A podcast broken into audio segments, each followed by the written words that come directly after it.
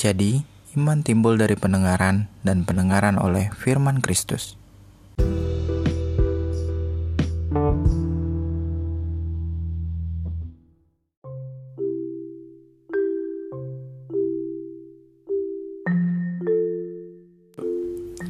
Pada masa pandemi seperti saat ini, di mana semua orang banyak beraktivitas di rumah, konsumsi paling tinggi terjadi pada penggunaan internet. Arus informasi yang begitu cepat membuat perkembangan tren masa kini menjadi begitu mudah tersebar luas. Akibatnya, banyak orang berusaha untuk mengikuti setiap tren yang ada agar tidak terlihat ketinggalan.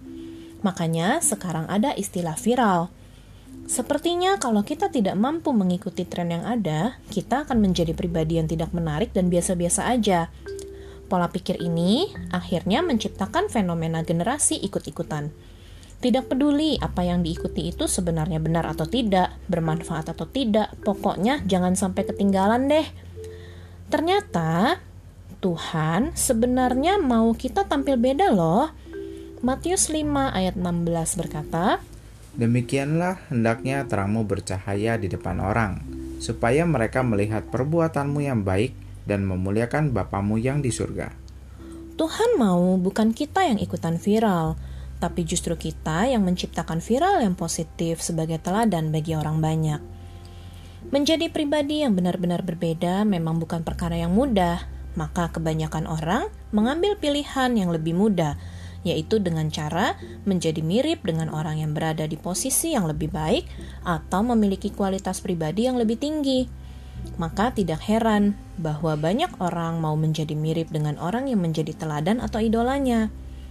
Sayangnya kita sering kali salah mengambil teladan.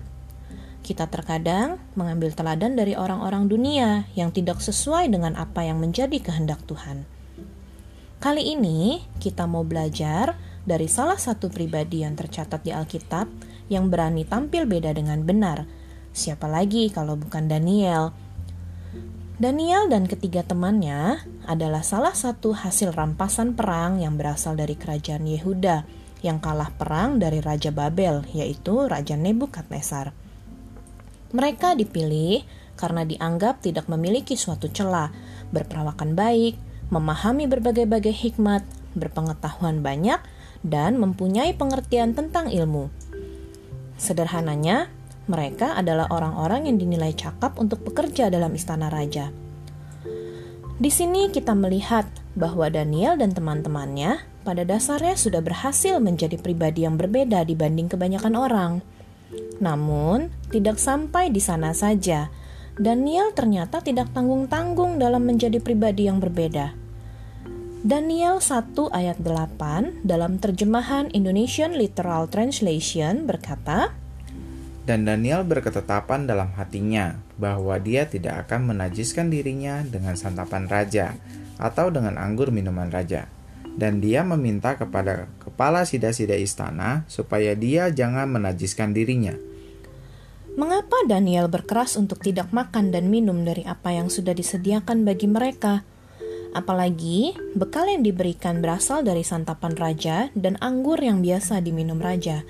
Artinya kan yang diberikan kepada mereka adalah makanan dan minuman dengan kualitas paling tinggi. Ternyata makanan raja pada zaman itu biasanya adalah makanan yang sudah dipersembahkan kepada dewa-dewa sebagai ucapan syukur terlebih dahulu. Daniel menolak makanan ini karena dia tahu bahwa hal ini bertentangan dengan hukum Allah, sehingga akan menajiskan dirinya. Anggur juga ditolaknya karena minuman beralkohol punya kecenderungan menyebabkan pikiran menjadi tumpul karena efek yang memabukkan. Apalagi anggur yang diminum raja pasti bukan anggur murah dengan kadar alkohol yang rendah. Pernahkah kamu membayangkan seberapa besar resiko yang harus ditanggung Daniel dan teman-temannya jika raja tahu bahwa mereka menolak apa yang dimakan dan diminum oleh raja dan malah memilih makan sayur dan minum air saja? Apalagi titah raja adalah sesuatu yang mutlak pada masa itu. Karena Daniel tidak tanggung-tanggung dalam menunjukkan imannya, Tuhan juga tidak tanggung-tanggung dalam memberkati Daniel dan mengaruniakan kasih dan sayang dari pemimpin pegawai istana yang bertanggung jawab atas seluruh orang-orang muda yang direkrut oleh Raja Babel. Pada awalnya, kepala istana takut jika Daniel justru akan kelihatan lemas, kurus, atau bahkan sakit karena tidak mendapat asupan yang berkualitas seperti orang-orang muda lain yang sebaya dengan mereka. Apalagi mereka hanya memakan sayuran dan minum air. Kenyataannya, bukannya menjadi lemas atas penyertaan dan kasih karunia Tuhan, Daniel dan ketiga temannya justru menjadi yang paling unggul di hadapan raja dibandingkan dengan orang-orang muda lainnya. Mereka bahkan akhirnya direkrut langsung oleh Raja Nebukadnezar untuk bekerja baginya. Daniel memilih untuk tetap bersinar terang di tengah keadaan yang menghimpitnya. Dia tidak takut untuk menerapkan prinsip kebenaran yang dipegangnya dan tidak malu atau takut menunjukkan imannya sebagai seorang yang takut akan Tuhan. Daniel dan ketiga temannya memilih untuk lebih takut akan Tuhan daripada takut akan hukuman raja atau bahkan resiko kematian. Tidak cuma sekali, namun secara konsisten mereka terus tampil beda. Ingat nggak ketika Raja Nebukadnezar menghendaki semua orang untuk sujud menyembah terhadap patung emas buatannya? Atau ketika Raja Darius membuat peraturan yang melarang semua orang berdoa dan memohon kecuali kepada raja? Perapian yang menyala-nyala dan gua singa sekalipun tidak membuat Daniel dan ketiga temannya menjadi serupa dengan dunia. Bahkan, Sadrak, Mesak, dan Abednego berpegang teguh pada imannya hingga membuat raja meluap dengan kegeraman dan melemparkan mereka ke perapian yang dibuat tujuh kali lebih panas dari biasanya. Dalam Daniel 3 ayat 17 dan 18, mereka berkata, Jika Allah kami yang kami puja sanggup melepaskan kami, maka ia akan melepaskan kami dari perapian yang menyala-nyala itu, dan dari dalam tanganmu ya Raja. Tetapi seandainya tidak, hendaklah Tuanku mengetahui ya Raja, bahwa kami tidak akan memuja dewa Tuanku dan tidak akan menyembah patung emas yang Tuanku dirikan itu. Sebagai anak Tuhan, Seringkali ketika kita berada di tengah-tengah dunia yang cenderung sama, kita takut jika kita menjadi kelewat berbeda. Kita takut disebut radikal. Seringkali kita lebih memilih menyembunyikan iman kita dan mematikan terang kita daripada harus dimusuhi oleh dunia. Rasul Paulus berkata dalam Roma 12 ayat 2, Janganlah kamu menjadi serupa dengan dunia ini, tetapi berubahlah oleh pembaharuan budimu sehingga kamu dapat membedakan manakah yang kena Allah, apa yang baik, yang berkenan kepada Allah, dan yang sempurna. Dalam 1 Yohanes 2 ayat 6, firman Tuhan juga berkata, Barang siapa mengatakan bahwa ia ada di dalam dia, ia wajib hidup sama seperti Kristus telah hidup.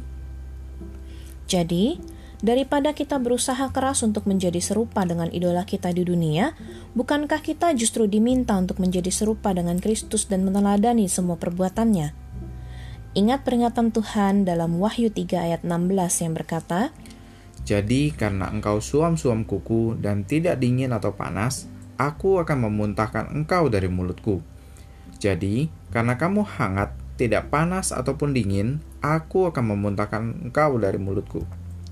Saya berdoa bahwa pada saat kita bertemu dengan Tuhan kelak, kita tidak malah dimuntahkannya dari surga karena kita mengambil keputusan saat ini untuk menjadi pribadi yang tidak tanggung-tanggung dalam menunjukkan terang yang bercahaya lewat perbuatan kita dan memuliakan Bapa kita yang di sorga.